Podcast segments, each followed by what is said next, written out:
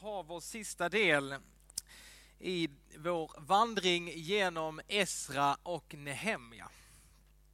Esra och Nehemja handlar ju om det stora återvändandet för Guds folk som har levt i fångenskap eh, och eh, i 70 år i Babylon men Gud har lovat redan innan de blev fångar att ni ska få återvända. Jag har inte övergett er, ni ska få återvända till landet.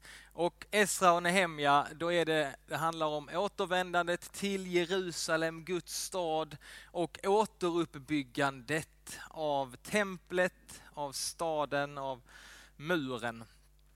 Vi har varit inne på det, de första sex kapitlen i Esra, då är det första återvändandet. Då kommer de tillbaka till Jerusalem och så bygger de upp templet. Det är det första. Eh, man bygger upp templet igen och man börjar helt enkelt efter lång tid där man inte har firat gudstjänst på det sättet så börjar man bygga upp en identitet liksom som Guds folk genom att fira gudstjänst. Eh, genom att fira högtider, genom att samlas liksom på samma sätt som innan, eh, så skapar man en kultur eh, som säger liksom lite, lite vilka vi är. Jo, vi, vi har templet, vi firar gudstjänst och det blir liksom kulturskapande på samma sätt som vi gör varje söndag. Första återvändandet handlar om templet, att bygga upp det. Sen så var det dags för Esra, då är det kapitel 7 till 10 Esra, han får återvända med en grupp och då handlar det om att bygga upp sin identitet som Guds folk genom att läsa och tolka lagen. Alltså upptäcka på nytt Guds ord och Guds lag. Och Esra, i den här berättelsen så framställs Esra som den nya Mose. Ni vet Mose, det var han som fick lagen ifrån Gud och gav den till folket. Nu framställs Esra som den nya Mose. Mose han är också den som befriar folket från slaveri till frihet. Va? Esra får nu ta folket från slaveri in i eh, det förlovade landet Jerusalem. Så det, är väldigt, det finns många, liksom, den som har skrivit berättelsen om Esra Nehemja har gjort det väldigt tydligt. Så när man läser liksom, så finns det så många likheter mellan Esra och Mose. Och det ska vara tydligt att han kommer med lagen på samma sätt som, som Mose gjorde. Han, har, han studerar skriften helhjärtat, står det, och han låter folket återupptäcka Guds ord. Men om Esra är Mose, vem är då Nehemja? Vem kom efter Mose? Nu får ni faktiskt ropa ut. Josua, hörde jag någon som vågade. Ja, just det. Josua, och det är också tydligt i den här berättelsens sammansättning så är den skriven så, så att Israels folk ska förstå att Nehemja, ja han är den nya Josua. Det finns liksom många sådana likheter. Det står bara en sak är att Josua, när han kommer in i landet så möter han motstånd sju gånger. Och Nehemja, när han kommer in här i berättelsen så möter han också motstånd sju gånger. När Nehemja ska hålla sitt stora tal så citerar han flera gånger från Josua bok. Ja, Josua, han, eller Nehemja, han är, det är också tydligt att han ska liksom liknas vid den nya Josua. Så vi har templet byggs upp, lagen, man återvänder till lagen, man ska försöka hålla den på samma sätt. Och sen i Nehemja 1-7, det är då Nehemja kommer med en grupp och de får eh, vara med och bygga upp muren runt staden. Han får med sig folket, Nehemja delar liksom sin vision från Gud, han delar sitt hjärta med folket och han får med sig folket. Och på bara 52 dagar så har de liksom byggt upp murarna runt staden och alla i folket och alla folken runt omkring, de förstår att detta är ett under. Detta är ett Guds verk. Det skulle inte vara möjligt om det inte var med Guds hjälp genom sitt folk. Och det har vi gått igenom rätt så mycket. Det är det som är den mest spännande berättelsen där 1-7, just hur Nehemja lyckas få med sig folket. Och, och sen så kommer vi här, den här sista delen, det är det vi ska ta idag. För efter liksom när templet är på plats, lagen, de har liksom börjat förstå lagen igen, de har byggt upp muren och staden börjar liksom återfå sin storhet och skönhet. Då är det dags för folket att förnya förbundet med Gud. På samma sätt som folket gjorde på Sinai berg när de fick lagen. Och då sa folket liksom ja, vi vill följa lagen. Det är fantastiskt att läsa det här i Moseböckerna. Nu ska de göra på samma sätt. Och detta är den glada perioden i eh, Nehemja bok. Eh, 8 till 12a. Det är den glada perioden. Det är helt fantastiskt att läsa om den här perioden. Men tyvärr så slutar det inte där, utan sen kommer den tråkiga perioden. Eh, och det är så Nehemja eh, bok eh, slutar. Men vi ska gå igenom den delen idag. Och det blir mycket att vi ska läsa nu tillsammans. Så häng med. Nu ska vi börja, så den glada perioden. Det mesta är på plats. Och då står det så här. Hela folket samlades nu mangrant, jag tycker om det ordet, på torget framför vattenporten. Och då bad Esra, den skriftlärde, att hämta bokrullen med Moses lag som Herren hade gett Israel. Prästen Esra bar fram lagboken inför hela församlingen av män och kvinnor och alla som var mogna nog att lyssna. Det är den första dagen i sjunde månaden. Han läste ur lagen på torget framför vattenporten, från tidigt på morgonen till mitt på dagen, för männen och kvinnorna och alla som var mogna nog. Och hela folket lyssnade uppmärksamt till lagens ord. Esra den skriftlärde stod på en tribun av trä som hade byggts enkom för detta tillfälle. Detta är den första predikan i Bibeln kan man säga. Och det är första gången man har talat om en predikstol av trä. Om ni har svårt att se honom framför så kan ni tänka på mig. Jag står och predikar. Han stod och predikade för folket. Och så fortsätter vi läsa. Esra öppnade bokrullen i hela folkets åsyn. Han stod ju högre än dem. Och när han öppnade den reste sig hela folket upp. Tänk er detta nu, hela folket reser sig upp. Esra prisade Herren, den store guden och med lyfta händer ropade hela folket Amen, Amen. Och de böjde knä och föll ner och tillbad Herren med ansiktet mot marken. Och vi fortsätter läsa. De läste ur Guds lagbok, de tolkade den, utlade den så att folket förstod vad som lästes.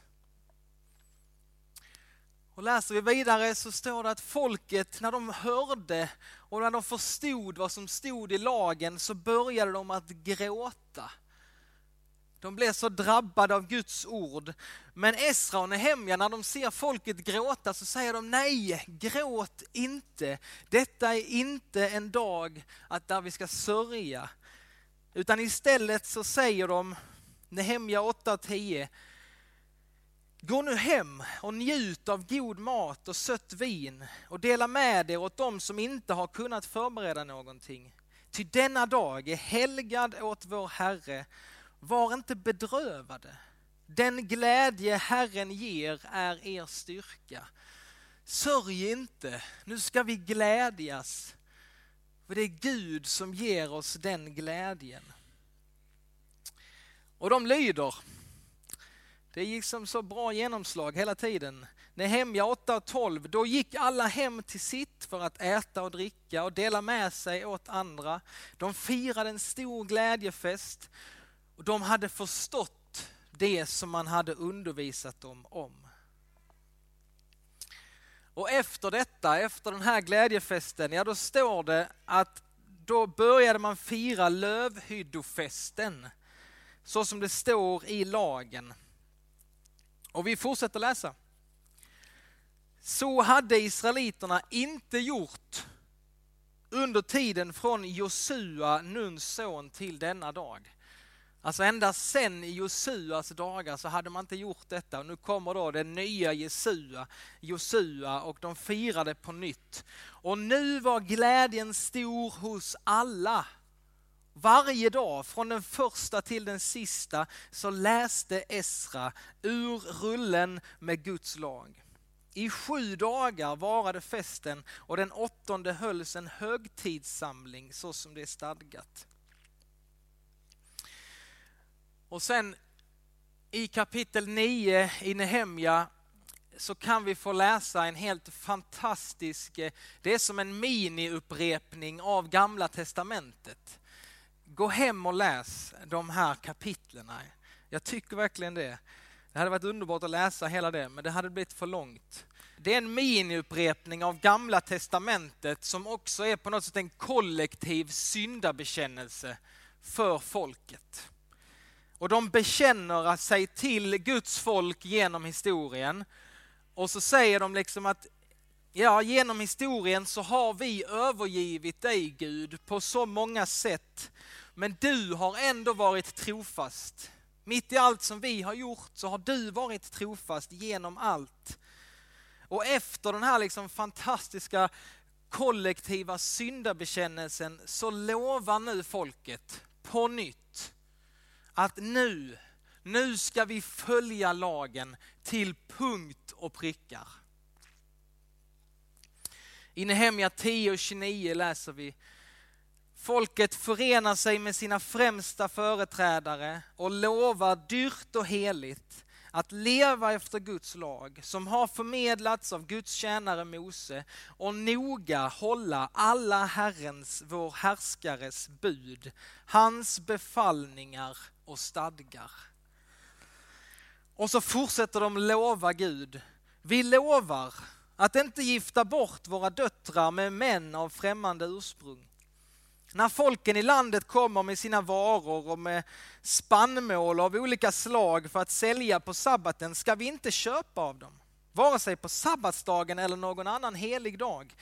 Och vi förpliktar oss till att årligen betala en tredjedel sikel till gudstjänsten i vår Guds hus, för skådebröden, de dagliga matoffren, de dagliga brännoffren, för offren på sabbatsdagarna, nymånadsdagarna och högtiderna, för de heliga gåvorna och syndoffer som bärs fram till försoning för Israel och för allt arbete i vår Guds hus.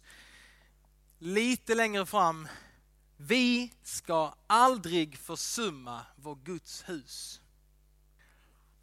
Så eh, det är, det är gripande att läsa. Det är, alltså, det är glädje, det är tårar. Det är liksom folket står som en man tillsammans. Och i kapitel 12 så inviger Nehemja stadsmuren. Allt var ordnat. Folket hade sagt sitt ja Lagen, liksom de hade återupptäckt lagen. Eh, templet var igång, liksom det fungerade. Eh, staden, muren fanns där, den höll på att blomma igen. Högtiderna, de höll högtiderna igen, sabbaten var på nytt helig för dem. Allting var ordnat. Och i Nehemja 12 så står det denna dag offrades stora offer och alla gladde sig, ty Gud hade givit dem stor glädje. Också kvinnorna och barnen var glada och glädjen i Jerusalem hördes vida omkring. Här har vi den liksom glada perioden. Och det hade varit så underbart om det hade slutat där. Ska vi sluta där? Kan, vi kan nöja oss där. Eller vad säger ni? Nej, jag tror vi behöver gå vidare. Men det, det hade varit en sån underbar eh, framgångssaga för Nehemja och för hela folket om det hade slutat där. Men så får vi eh, tyvärr läsa den sista delen av Nehemja bok som eh, är lite den sorgliga perioden i Nehemja 13 så får vi läsa det sista kapitlet så får vi läsa om hur folket på nytt, som Israels folk har gjort genom alla tider, faller tillbaka i gamla synder. Nummer ett, templet missköts. Ni hör, ni hör vad vi sa innan va? De sa vi ska aldrig försumma vår Guds hus. Templet missköts. Det står om en eh, ammonit vid namn Tobia som eh, hade fått ett förrådsrum i templet av en av eh, de israeliska prästerna. I det rummet så hade man förvarat matoffer, rökelse, ja de heliga kärlen med mera. Men där hade en präst ordnat så att en ammonit vid namn Tobia hade fått boende. Något som inte alls var okej. Okay. Och vad är Nehemjas reaktion? När detta hände var jag inte i Jerusalem. det tyckte jag var rätt skönt. Det ska jag också använda någon gång. Om det händer något här. När det hände, då var jag i Ramlösa. Så... Eh, men hans vidare i hans reaktion, det är ju, han, han liksom, vad är det som händer? Varför har Guds hus blivit försummat? Var, ni, vi har ju precis liksom lovat. Varför har ni försummat Guds hus på det här sättet? Nehemja förstår ingenting. Det är det första. Det andra, det handlar om sabbaten. Det står så här, vid samma tid såg jag i Juda några som trampade vinpressarna på sabbaten. Andra kom med spannmål som de lastade på åsnor eller med vin, druvor, fikon och andra varor och förde det till Jerusalem på sabbatsdagen. Jag varnade dem för att sälja sina livsmedel. Och Nehemja utbrister, hur kan ni bära er så illa åt och vanhelga sabbatsdagen? Det tredje, muren respekteras inte. Eh, vissa köpmän som kom, eller i, eh, som kom till Jerusalem och också de som fanns i Jerusalem, de började stanna utanför muren och slå upp sina stånd där och handla varor på sabbaten. Nehemja han ser detta och han blir ju upprörd liksom och arg och han säger till dem, om detta upprepas kommer jag ta i med hårdhandskarna. Jag känner jag får väldigt bra tips här på formuleringar att använda. Om detta upprepas kommer jag ta i med hårdhandskarna. Muren respekteras inte. Det fjärde, lagen hålls inte. Det som Esra, liksom, han som hade han som brann för Guds ord, som hade gett det vidare, de förstod vad det stod där, de förstod liksom vad Gud ville. Men så står det, vid samma tid upptäckte jag att några judar hade gift sig med kvinnor från Ashdod, Ammon och Moab. Av deras barn talade hälften ashdodiska eller något av de andra språken och kunde inte längre tala hebreiska. Och jag gick till rätta med dem förbannade dem, slog några av dem, drog dem i håret och besvor dem vid Gud. Ni får inte ge era döttrar åt era söner. Inte heller ta deras döttrar till hustru åt era söner eller er själva. Var det inte på det sättet som Salomo, Israels kung, syndade? Det var ju precis det här som har skett tidigare. Varför gör ni så här? Nehemja måste vara helt liksom förkrossad. Så det som boken slutar med det är att folket begår alla synder igen. De ignorerar templet, ignorerar sabbaten, ignorerar muren. Och Nehemja han går från att vara liksom en hjälte, den visionäre ledaren till att bli en en illa omtyckt ledare. Han tar till och med till våld för att tygla folket. Och hela den här berättelsen, som vi har sagt det tidigare också, så hela den här berättelsen finns på något sätt i Bibelns sammanhang och pekar fram mot den kommande Messias. Det är på något sätt som allting är förberett för att Messias ska komma, men Messias kommer inte. Allting är förberett och de har ju läst om profetian i Jeremia och Hesekiel om att Gud ska fylla dem med sin egen ande. Ja.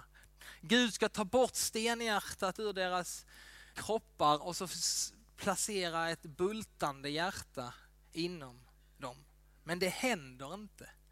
Och hela den här berättelsen blev som en stor pekpinne fram till den dag då Messias ska komma och då anden ska utgjutas. Liksom.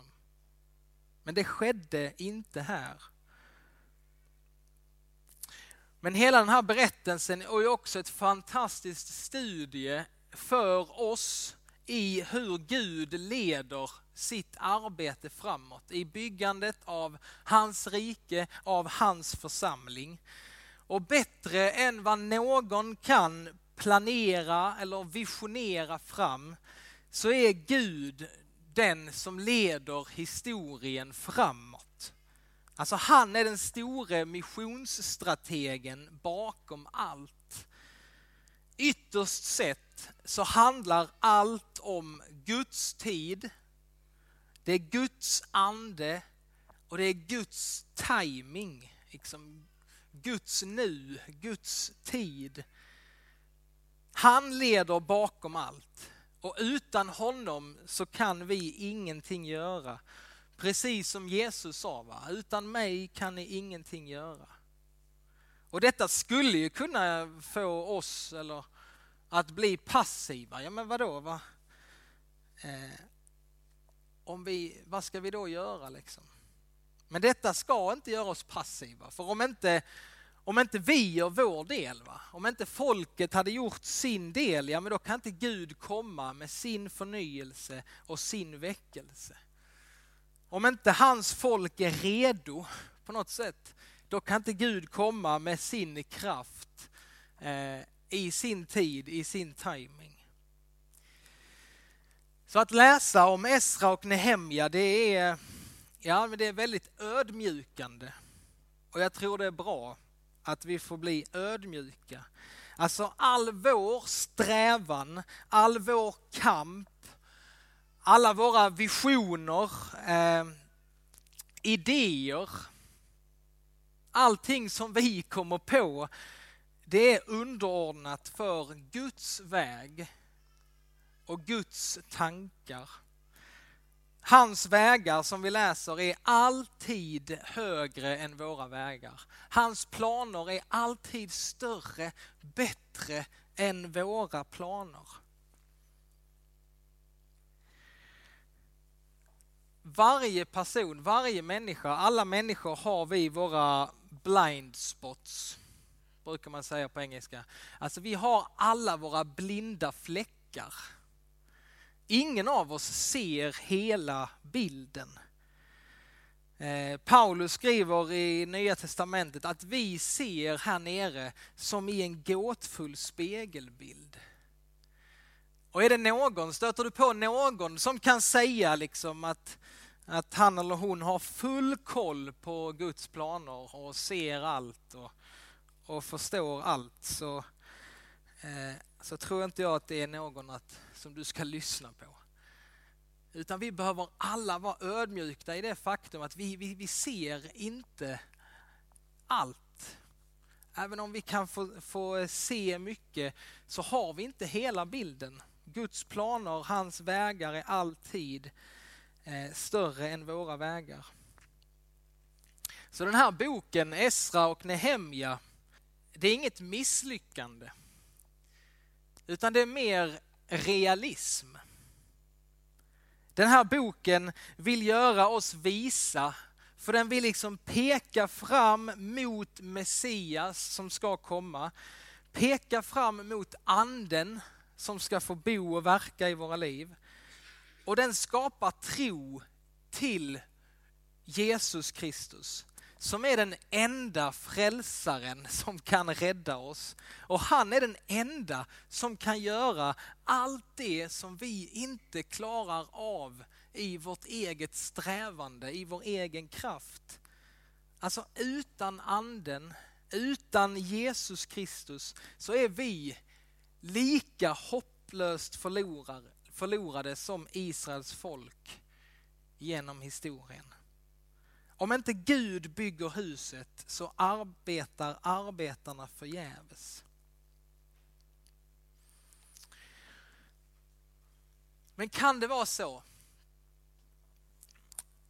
Kan det vara så att Gud har något på gång i vårt land, i vår stad, den här tiden?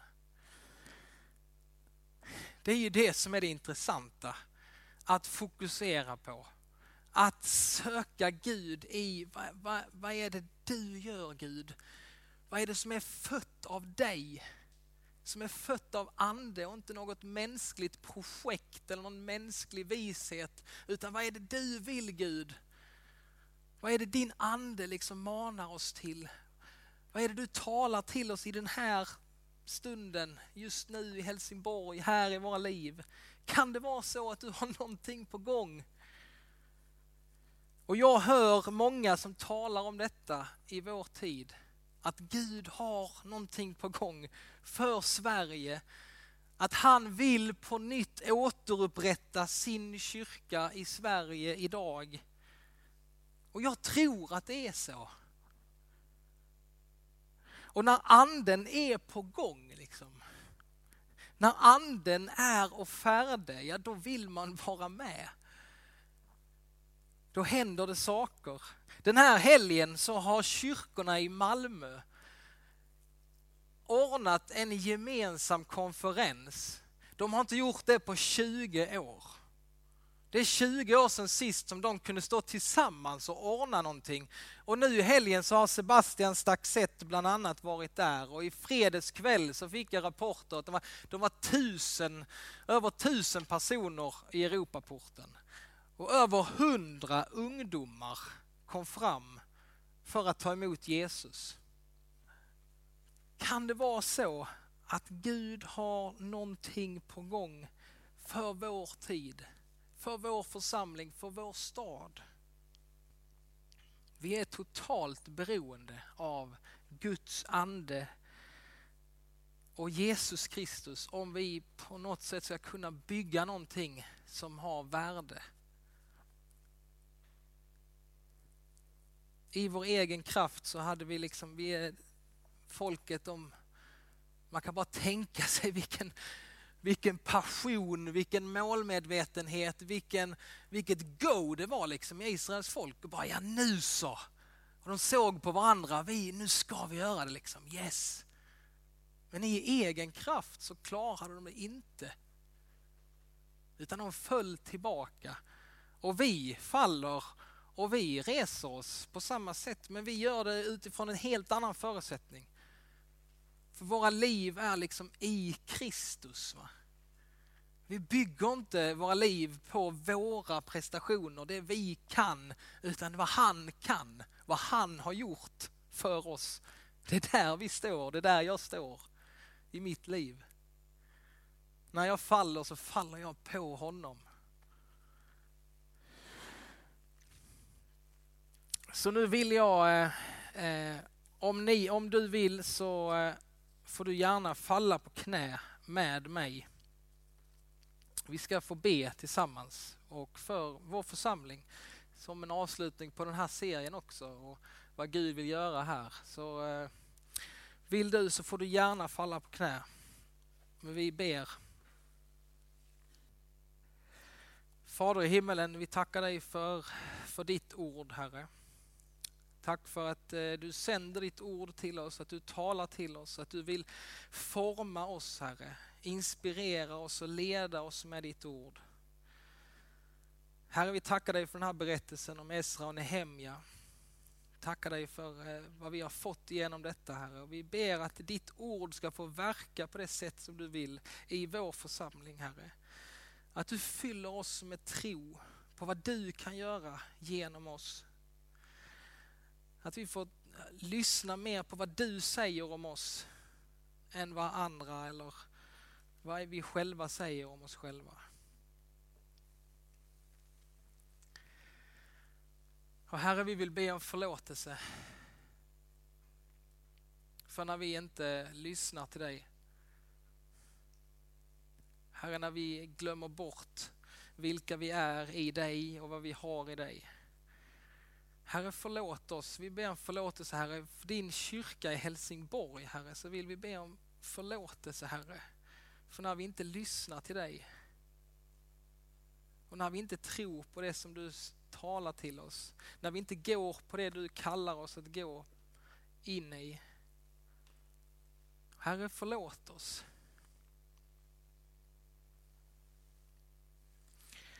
Och så ber vi Herre att du, att du ska få sända oss Herre. Vi ber Herre som församling så vill vi bara säga här är vi. Sänd oss Herre. Herre, vi, vi ser inte allt klart, vi, vi vet inte dina planer, dina vägar, men vi ber Herre, låt oss få vara med i det arbete som du gör i Sverige idag, i Helsingborg. Låt oss Herre få vara en del av din liksom räddningsplan för världen. Ta oss i din tjänst Herre.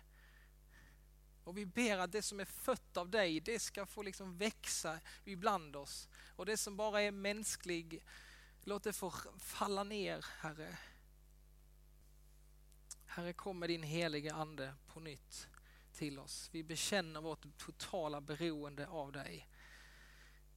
I Jesu namn. Amen.